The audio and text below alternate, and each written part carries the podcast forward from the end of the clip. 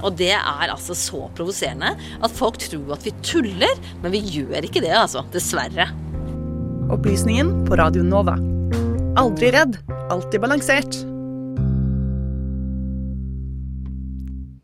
Vi sitter her i hovedstaden i en kommune som kanskje ikke akkurat er mest kjent for landbruk. Hva er ditt forhold til landbrukspolitikk, Rune? Uh, jeg er jo vokst opp med en tante som eier en gård, da. Uh, så jeg har fått ganske mye landbrukspolitikk innunder huden i og med at hun har sittet i kommunestyret for Senterpartiet og sånt. Uh, så har jo det vært en del av oppveksten min. Pluss at jeg har hjulpet til å jobbe på gården hver sommer. Så jeg føler jeg er inn, innforstått med ganske mye, men har igjen mye å lære. Ja, føler du at landbrukspolitikk er litt sånn eh, jordnær politikk, eller er det litt mer sånn eh, jeg holdt på å si stormaktspolitikk, eller for den store internasjonale scenen? Eh, det siste. Det er jo, altså Landbrukspolitikk er veldig påvirket av EU-lovgivning. Det er veldig påvirket av internasjonal handel eh, av våre toller og satser for å sørge for at vårt landbruk får solgt sine produkter. Altså det er eh, egentlig på mange måter en, eh, en, stormaktspolitikk som pågår, samtidig som man skal sørge for at folk får mat, eh, og sørge for at bonden får inntekt. Eh, for eh, det er mye makt i mat. Hvis ikke folk har mat på bordet, så, så er ikke det noe bra. Det, der tror jeg absolutt du er inne på noe. Som vi skal se i det innslaget som kommer straks, så kan landbrukspolitikk faktisk være ganske dramatisk og en del av internasjonal storpolitikk. Vår reporter Benjamin har sett nærmere på dette. Du, kjære lytter, er mest sannsynlig en ung, urban person som lever i Oslo by. Så når du hører ordet landbruk, så tenker du Snork, snork. Så kjedelig. I dag er det litt annerledes. For dette handler om Europa. Hvordan landbruk og internasjonal politikk veves sammen og kan skape dårlig stemning blant land som i prinsippet er venner. La oss begynne i liten skala og forestille oss et brød. Brød lages av mel, som til syvende og sist er kvernet korn. Det er bønder som dyrker korn og selger sin vare på markedet, enten hjemme i landet eller for eksport til andre deler av verden. I Europa, hvor vi bor, er det noen land som har veldig gode forutsetninger for å drive med nettopp korneksport. Deriblant Ukraina, Tyskland, Frankrike og Polen. Men som du vet, er det for øyeblikket krig på kontinentet. Og Russlands fullskala invasjon av Ukraina fikk ufattelig store konsekvenser for bøndene i landet. I form av tapt innhøsting og en vanskeliggjort kornhandel ved at flere havner ikke kunne brukes. Blant dem finner vi Pivdeny, like ved Odessa, Kherson og Mykolajiv. Dette er alle byer langs Svartehavet.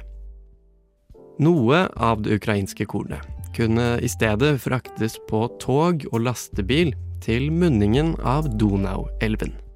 Her ble det lange køer, og infrastrukturen ved Romanias havnebyer var ikke rustet til å tåle de voldsomme volumene. Mye av Ukrainas korneksport kjøpes av FNs matvareprogram, og sendes gjerne til Afrikas Horn og andre steder på kloden som plages av dårlig mattilførsel. Så i fjor, 2022, ble det nedlagt en enorm politisk innsats gjennom EU for å hjelpe det krigsrammede Ukraina med å selge korn til verdensmarkedet. Og et av de viktigste leddene i denne innsatsen var å åpne opp Polens grenser, slik at ukrainsk korn kunne nå trygge havner og seile i skip på verdenshavene. Jeg skal ikke gjøre det vanskelig eller teknisk, men du må vite at dette handler om et tollfritak for ukrainskprodusert korn.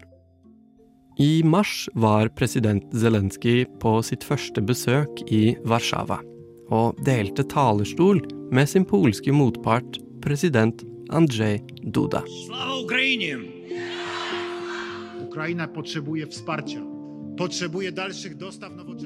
Det polsk-ukrainske samarbeidet er helt unikt. I våpenstøtte, husly til flyktninger og bistand. Men det var noe som ulmet i bakgrunnen. Og ja, det handlet om korn. Dette har på merkelig vis blitt stridens kjerne. Et hundretalls polske bønder tok til Warszawa i sine traktorer i protest, og forlanget et forbud mot import av korn fra Ukraina. I henhold til europeisk handelslov skal slike forbud egentlig være ulovlige. Men likevel så skjedde det. I krigstid, til tross for diplomati og europeisk samarbeid.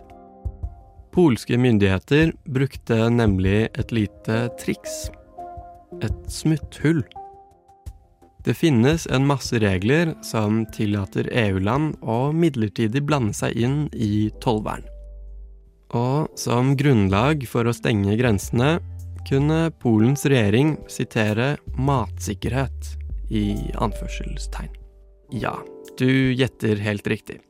Et kjapt blikk på Polens matsituasjon avgjør ganske tydelig at landet slettes ikke plages av mangel. I det skjulte er det nok noe helt annet som foregår.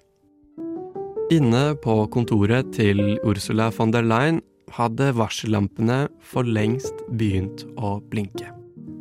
Ai, ai, ai, hva gjør vi nå? Det hadde blitt en ganske kinkig situasjon, for å si det mildt. Torsdag denne uken kom EU-kommisjonen, som von der Leyen leder, opp med en foreslått løsning. Den innebærer en helt ny subsidieordning på 100 millioner euro til de misfornøyde, såkalt konkurranseutsatte bøndene i Polen.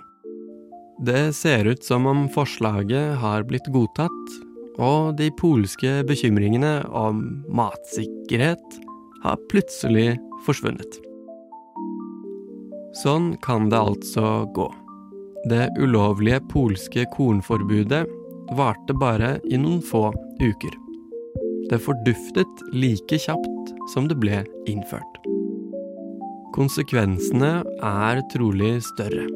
Mye større enn bare korn. For i rettferdighetens navn er det nemlig EU-kommisjonen som skal styre og forvalte Europas felles handelspolitikk. Ikke særinteresser i Polen, ikke i Tyskland, ikke i Sverige. Man må kanskje tåle noen kompromisser, men skitne triks undergraver tilliten. Det gjenstår å se hvor mye velvilje som er igjen i Brussel. Og i maktens korridorer blir nok ikke kornforbudet glemt med det første.